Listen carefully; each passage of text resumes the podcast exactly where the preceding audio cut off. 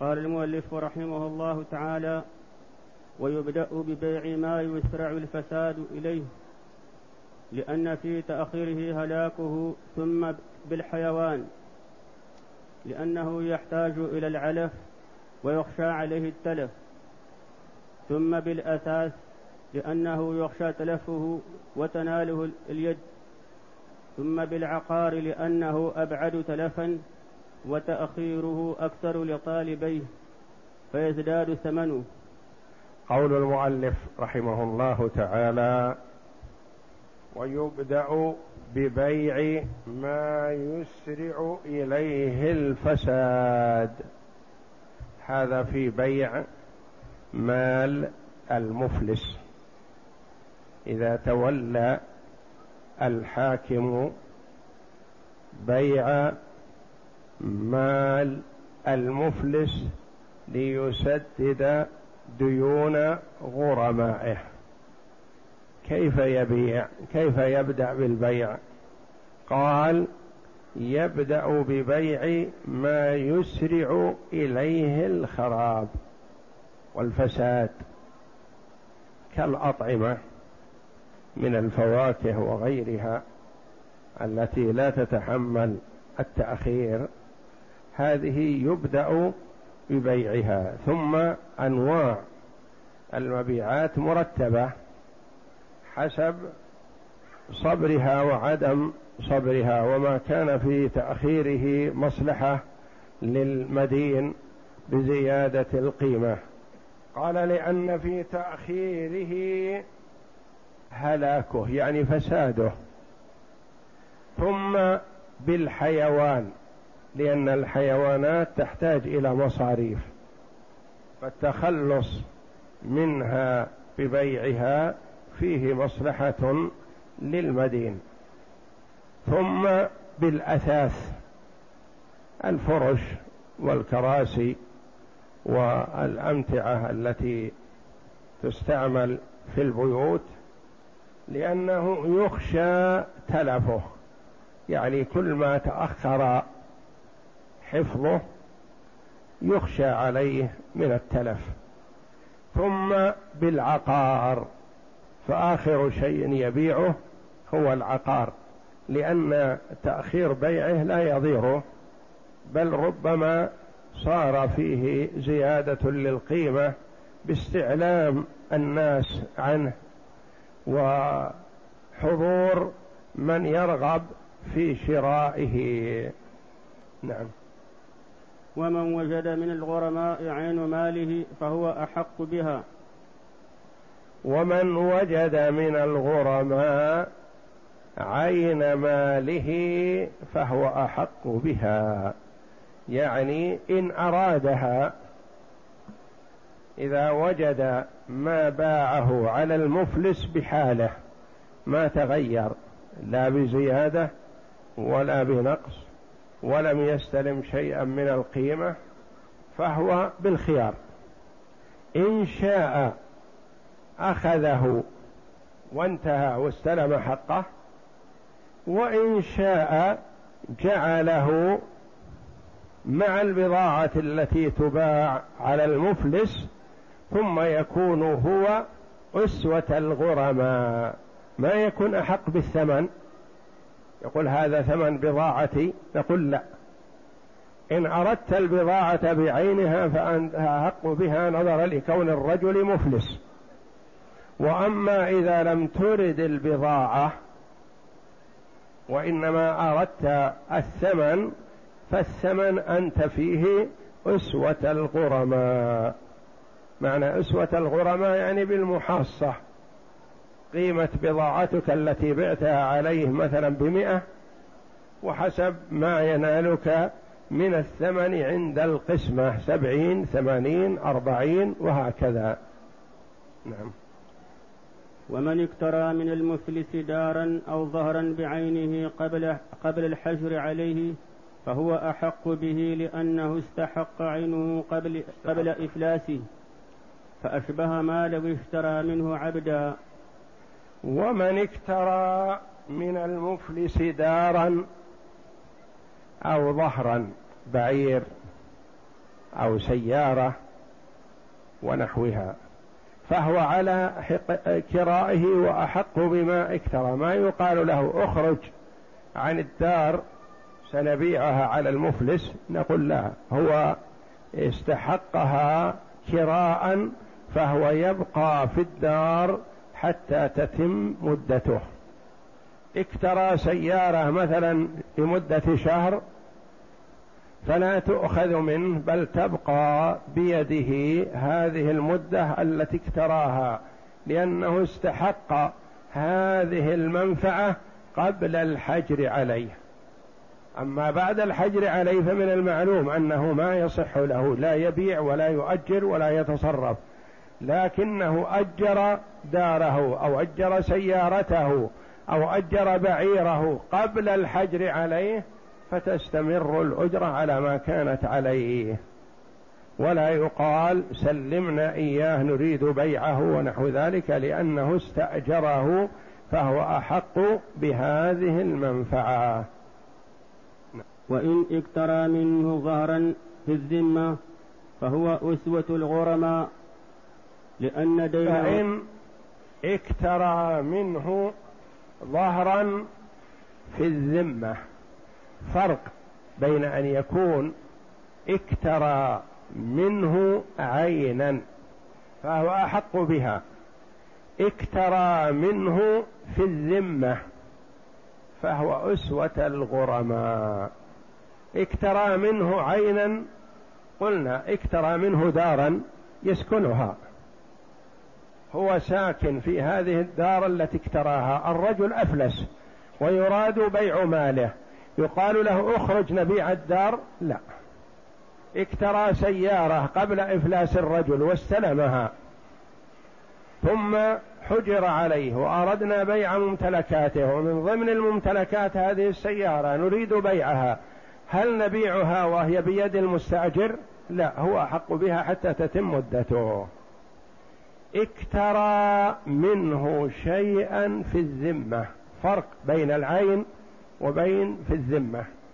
قال له الرجل استأجر من هذا الرجل قبل إفلاسه. سيارة نوعها كذا ماركتها مديلها كذا صفتها كذا لمدة شهر. السيارة إلى الآن ما سلمت هي موصوفة فقط. والرجل سلم الأجرة. المستأجر سلم الأجرة. والعين المستأجرة ليست محددة وإنما هي موصوفة فقط. ماذا تسمى هذه العين المستأجرة؟ تسمى في الذمة. استأجر منه سيارة في الذمة أو استأجر منه دارا في الذمة. كيف يكون دار في الذمة؟ قال نعم.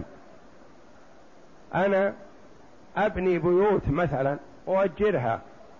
أجر بيتا موصوفا إلى الآن ما انتهى وما تعين. وقال المفلس مثلا تحيل على هذا الرجل قال سلمني أجرة خمس سنوات لأجل أكمل بنائي وأسلمك ولم يعين الدار لأن عنده عشر دور مثلا يبنيها. فسلمه أجرة خمس سنوات المستأجرة العين المستأجرة ليست محددة وإنما هي في الذمة. جمع دراهم من الناس يريد أن يعمر وهذا أجره وهذا باع عليه وهذا كذا ثم حجر عليه. إذا حجر عليه نريد أن نبيع ممتلكاته. من ضمن الممتلكات هذا العقار الذي ما انتهى إلى الآن. نبيعه. ما يقول الذي دفع الأجرة أنا أحق ببيت من هذه البيوت؟ نقول لا لأنك ما استأجرت أنت عين. استأجرت موصوفا. دارا موصوفة. الدار الموصوفة لو انتهت واستلمتها تعينت لكنها ما انتهت. يقول أجرتي التي دفعت أنا دفعت أجرة خمس سنوات دفعة واحدة. نقول أنت أسوة الغرماء. لك اسوة الغرماء بحقك. الغرماء إذا جمعنا المال كله وقسمناه بينهم حسب ما يطولك من النسبة.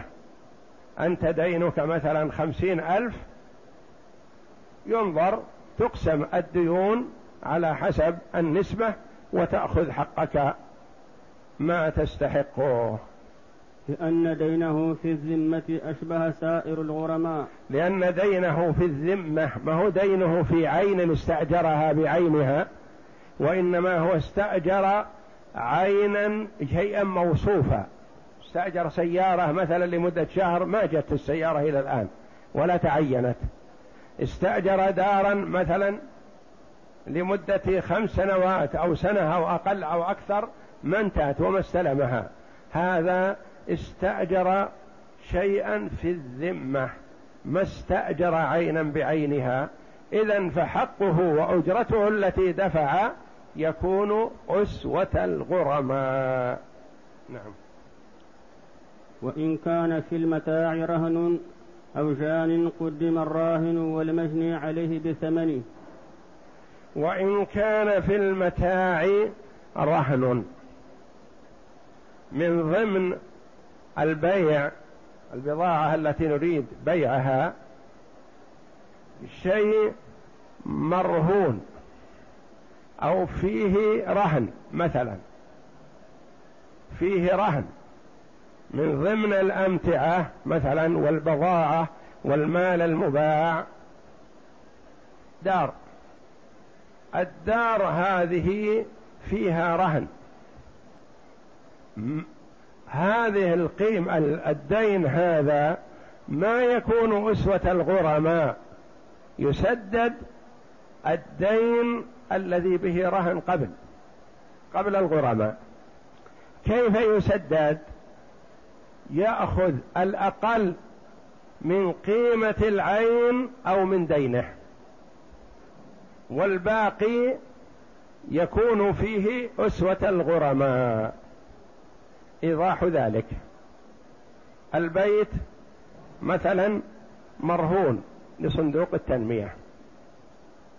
جمعنا ممتلكات هذا المدين ووجدنا فيها من ضمنها بيت مرهون لصندوق التنمية. هل صندوق التنمية هذا يكون أسوة الغرماء؟ صندوق التنمية له مثلا ثلاثمائة ألف. وهذا من الغرماء له مائة ألف وهذا خمسمائة ألف وهذا أقل وهذا أكثر. فهل صندوق التنمية يكون ضمن الغرماء مع الغرماء؟ لا. لأن عنده رهن. البيت الذي به رهن لصندوق التنمية نبيعه. لأجل نسدد. بعناه بمئتين وخمسين. ودين الصندوق مثلا ثلاثمائة. ماذا نعطي الصندوق؟ نعطيها المئتين والخمسين. الخمسين الباقية تذهب؟ لا. يكون أسوة الغرماء. سورة أخرى.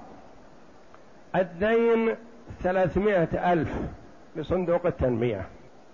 البيت المرهون هذا بعناه بخمسمائة ألف. صندوق التنمية يطالب. ماذا نعطيه؟ نعطيه الخمس أو نعطيه حقه؟ حقه الدين الذي له فقط. فله الأقل من قيمة الرهن أو دينه. إذا كان الأقل الدين أعطيناه الدين واحتفظنا بالباقي للغرماء. إذا كان الأقل القيمة أعطيناها إياه والباقي يكون فيها أسوة الغرماء. هذه موضوع الرهن أو جان. الجان يختلف عن الرهن. من ضمن البضاعة التي نريد بيعها على الغريم رقيق. المفلس هذا عنده رقيق؟ الرقيق عندما علم أننا نريد بيعه غضب ولطم من ينادي عليه البيع الحراج. ففقع عينه. فجاءنا المنادي هذا يطالب. ماذا تريد؟ تريد تفقع عين صاحبك؟ قصاص قال لا. أنا أريد قيمة عيني دية عيني.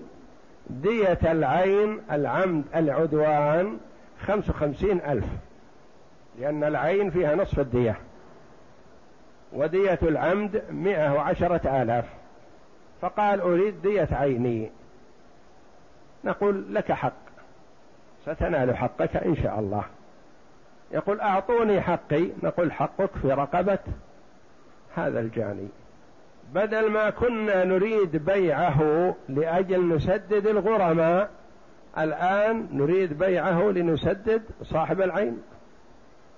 مقدم على الغرماء. لأن حقه متعلق بالرقبة. نادينا عليه وبعناه. بعناه بستين ألف. هذا الرقيق. ماذا نعطي المجني عليه؟ حقه خمس وخمسين ألف. والخمسة تكون للغرماء. نادينا عليه فما سيم إلا أربعين ألف لأن كل واحد يخاف منه. قال هذا فقع عين الرجل ما آمن أن يفقع عيني أو عين ولدي ما لي رغبة فيه.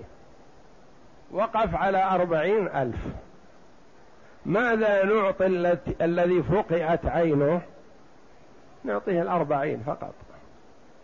أقول مالك حق إلا في رقبة الجاني. يقول ما ما في مانع. أعطوني الأربعين والباقي خمسة عشر أكون مع الغرماء. نقول لا لأن حقك ليس في ذمة المفلس وإنما هو في رقبة الجاني. ولك أنت الأقل من حقك أو قيمة الجاني. والأقل الآن هو قيمة الجاني أربعين ألف فلا لك غيرها. إن أردتها وإلا من حقك أن تطالب بالقصاص. وإن كان في المتاع يعني الذي يراد بيعه رهن أو جان. لا جاني يعني فيه جناية. له في المتاع المراد بيعه فيه جاني. يعني العبد هذا جاني وإحنا نريد بيعه. قدم المرتهن الذي له الرهن الذي قلنا عنه صندوق التنمية والمجني عليه الذي هو الذي فقئت عينه. بثمنه بثمن هذا العبد الجاني أو ثمن الدار المرهونة. لأن المرتهن لم يرضى بمجرد الذمة. ما يقال للمرتهن أنت أسوة الغرماء؟ قال لا أنا معي رهن. أنا راهن البيت. ما أكون أسوة الغرماء. أنا ما رضيت بذمته فقط وإنما طالبت مع ذمته الرهن فيقدم المرتهن كما تقدم لنا في الحقوق المتعلقة بعين التركة أنها أولا مؤونة التجهيز ثم الديون التي بها رهن. أو تعلقت بعين التركة كرقبة العبد الجاني. فهي تلي معونة التجهيز. يعني بعد الكفن مباشرة نعطي الديون التي بها راهن. لأنه لم يرضى بمجرد الذمة بخلاف سائر الغرماء. سائر الغرماء رضوا. دينوه وعطوه. ربما يكون ساقهم الطمع وكونه انغلب لهم. مثلا شيء يسير فأذهب مالهم طمعهم. لم يرضى بمجرد الذمة بخلاف سائر الغرماء فهم راضون بالذمة. وحق المجني عليه يقدم على حق المرتهن كما تقدم لنا قريبا في باب الرهن أن حق المجني عليه يقدم على حق المرتهن.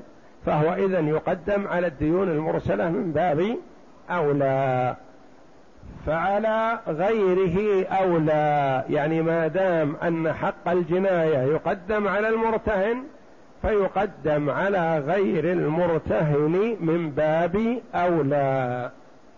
نعم. وإن فضل منه فضل رده على التركة. وإن فضل من قيمة العين المرهو اللي فيها رهن. أو من قيمة العبد الجاني. فضل شيء من القيمة رد على مجموع البضاعة التي سيسدد منها الغرماء. نعم. وإن لم يف بحقهما فلا شيء للمجني عليه لأنه لا حق له في غير الجاني. وإن لم يف بحقهما بيعت الدار بمئتي ألف. والرهن الدين الذي به رهن ثلاثمائة ألف. يعطى المئتين والباقي يدلي مع الغرماء الآخرين. نعم. وإذا بيعت بأكثر من الدين فلا يعطى إلا الدين ويرجع الزائد للغرماء. نعم. ويضرب المرتهن مع الغرماء بباقي دينه لأن ويضرب المرتهن مع الغرماء بباقي دينه. ما دام المرتهن له ثلاثمائة ألف ولا بيع العقار إلا بمائتي ألف مثلا فيأخذ المائتين والباقي تكون مع الغرماء. نعم. لأن حقه متعلق بالذمة مع تعلقه بالعين. لأن حقه متعلق بالذمة مع تعلقه بالعين. أما المجني عليه فحقه متعلق بالجاني فقط. ما له إلا الجاني. إن كان الجاني أكثر من القيمة قيمته مثلا أكثر من الدين الذي عليه فيأخذ الدين الذي له قيمة الجناية ويرجع الزائد. وإن كان قيمة الجاني أقل مما عليه فليس للمجني عليه إلا قيمة الجاني فقط. ولهذا قال وإن لم يف بحقهما فلا شيء للمجني عليه إلا القيمة. المجني عليه ما له إلا قيمة العبد. المرتهن له قيمة الدار أو أي نوع من أنواع البضاعة المرهون له القيمة والباقي مع الغرماء. أما المجني عليه فلا يدلي مع الغرماء لأن حقه في رقبة هذا الجاني. نعم. وإن بيع له متاع فهلك ثمنه أو استحق المبيع رجع المشتري بثمنه. وإن بيع له متاع فهلك ثمنه واستحق المبيع رجع المشتري بثمنه. وهل يقدم على الغرماء أو لا؟ فيه وجهان.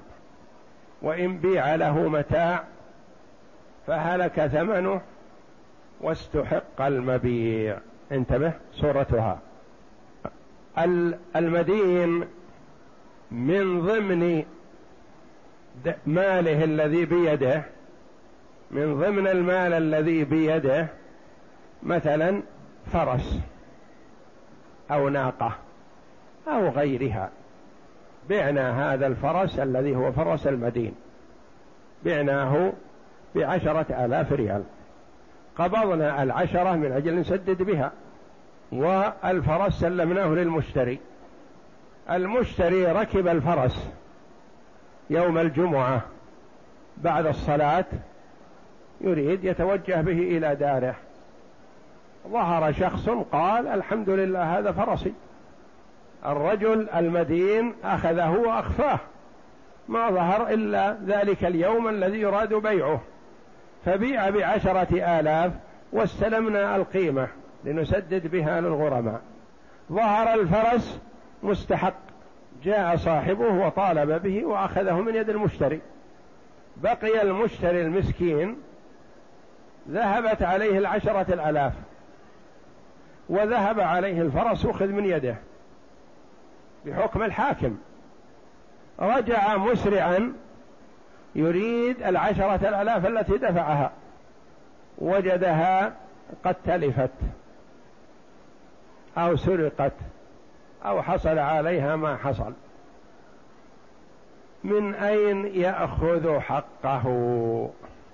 الفرس أخذت من يده والدراهم سلمها هو باختياره وأرادها ما وجدها الآن راحت.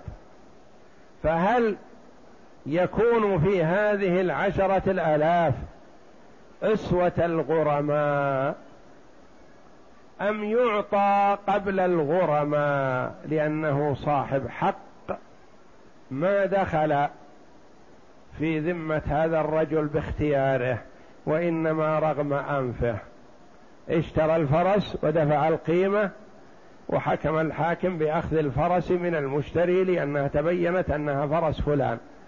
وشهد أهل البلد كلهم أن هذه الفرس فرس فلان التي فقدها قبل سنة. وأخذها صاحبها. وبقي المشتري المسكين دفع عشرة الآلاف ذهبت وأخذت الفرس من يده. فأين ماله؟ ماله عند المدين. يطالب به المدين لكن هل يكون أسوة الغرماء أو يأخذ من رأس المال قابل وجهان؟ قيل يأخذ قبل الغرماء لأنه مسكين ما دخل باختياره. ما دخل مع الغرماء بأن باع على الرجل بيعا غلبه فيه أو نحو ذلك. لا وإنما دفعه قيمة فرس والفرس أخذت من يده. قال الوجه الأول أنه يأخذ حقه من رأس المال قبل الغرماء. لما؟ أليست كل هذه الديون في ذمة هذا المفلس؟ يقول نعم لكن هذا ترغيب للمشترين اللي يرغبون في شراء بضاعة المفلس. لو قلنا لهم أنت أسوة الغرماء مثلا ما أقدم أحد لشراء بضاعة المفلس يقول أخشى أني أشتري. وزت خمسة أمتار جاء واحد وقال الحمد لله هذا حقي. وأخذ من يدي ثم يذهب حقي. لا ما أبيع بضاعة المفلس كلها لا أقربها. فنقول نعطيه من رأس المال ترغيبا في شراء بضاعة المفلس حتى ما تكسد.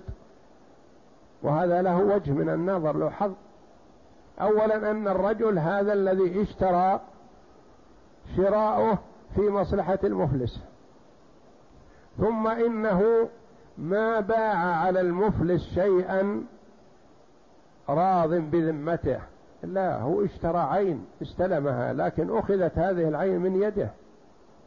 فما دخل في الدين باختياره وإنما بعد أخذ الفرس من يده وتلف قيمة الفرس أصبح ماله في ذمة المفلس. قال يعطى من رأس المال حتى لا يكسد ما يبيعه المفلس فلا يرغب فيه. لأن الناس إذا علموا أنه إذا أخذ الشيء من أيديهم صاروا إسوة الغرماء قالوا لا نريد المفلس ولا قربه. وإذا عرف أنه سيعطى حقه من رأس المال قال أشتري. الوجه الثاني يقول لا يكون أسوة الغرماء لأن حقه في ذمة المفلس فهو كأي دين من الديون. اقرأ. وإن باع وإن بيع له متاع. وإن بيع له متاع فهلك فهلك ثمنه. أو استحق المبيع رجع المشتري بثمنه وهل يقدم على الغرماء فيه وجهان؟ أحدهما يقدم لأن في تقديمه مصلحة فإنه لو لم يقدم تجنب الناس شراء ماله خوفا من الاستحقاق فيقل ثمنه فقدم فنقدمه من رأس المال ترغيبا في شراء أموال المفلس. نعم. فيقل ثمنه فقدم به كأجرة المنادي. مثل أجرة المنادي اللي يحرج مثلا. نقول سعيك أسوة الغرماء اللي يجتمع لك من سعي مثلا. تكون أسوة الغرماء يقول لا إذا ما أريد الحرج. نقول لا سعيك نعطيك إياه مقدما. إذا بعت خذ سعيك. ما تكون إسوة الغرماء. نعم. والثاني لا يقدم لأنه حق لزمه بغير رضا صاحبه أشبه أرش جنايته. ثم الثاني لا يقدم يقول هو هو أسوة الغرماء وهو له حق على المفلس والمفلس كل واحد له حق عليه فهم على حد سواء ولا نراعي قيمة شراء مال المفلس من عدم شرائه هذا له في ذمة المفلس حق والآخر له في ذمة المفلس حق فهم عندنا سواء فلا يقدم. نعم. أشبه أرش جنايته ثم يقسم ما اجتمع من ماله بين الغرماء على قدر ديونهم. ثم يعني بعد هذه العملية البيع والتصفية يقول ثم يقسم من هو؟ الحاكم القاضي. ما اجتمع من ماله بين الغرماء. يعطي أهل الديون الكثيرة؟ لا. يعطي أهل الديون القليلة فقط؟ لا. يعطي الفقراء من أهل الديون؟ لا. المساهمين مثلا هذا مساهم خمسة ألاف وهذا مساهم خمسمائة ألف. نعطي صاحب الخمسمائة ألف لأن حقه كثير أو نعطي المساهم بخمسة آلاف لأن حقه قليل ونبديه لا. لا هذا ولا هذا. لأن الأحكام والأمور الشرعية مبناها على العدل والمساواة. إذا قلنا كل واحد له خمسة في المية له عشرة بالمية مثلا له عشرة بالمية مثلا اللي له مئة يأخذ عشرة واللي له ألف يأخذ مئة واللي له عشرة آلاف يأخذ ألف. وهكذا. بالنسبة مساوية. طيب قد يكون الغرماء كثير ومتفاوتون في ديونهم والمال المباع قليل عليه ملايين وما صفينا في تركته في أمواله الموجودة إلا قيمة قليلة. كيف نقسمها؟ نقول الحمد لله. كما يقال القلم يقسم القليل والكثير. نقسمها كما نقسم التركة على الغرباء فيما تقدم. كما نقسم التركة على الورثة الأموات ميت غير مطلوب ماله إلى من يعول؟ إلى ورثته. ميت عليه ديون نعطي تركته لورثته؟ لا. نقسمها على الغرباء. مفلس حي بعنا تركته كأننا بعنا تركته. كيف نقسمها؟ نقسمها على حسب النسبة.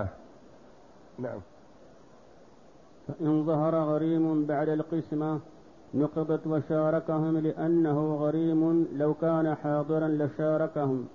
لو قسمنا قيمة الأموال مثلا بين عشرة غرماء ثم بعد القسمة هذه جاءنا غريمان. قالوا حنا مسافرين ولا درينا إنكم صفين فلان أو أموال فلان. وما علمنا نقول صفيناها منذ شهر.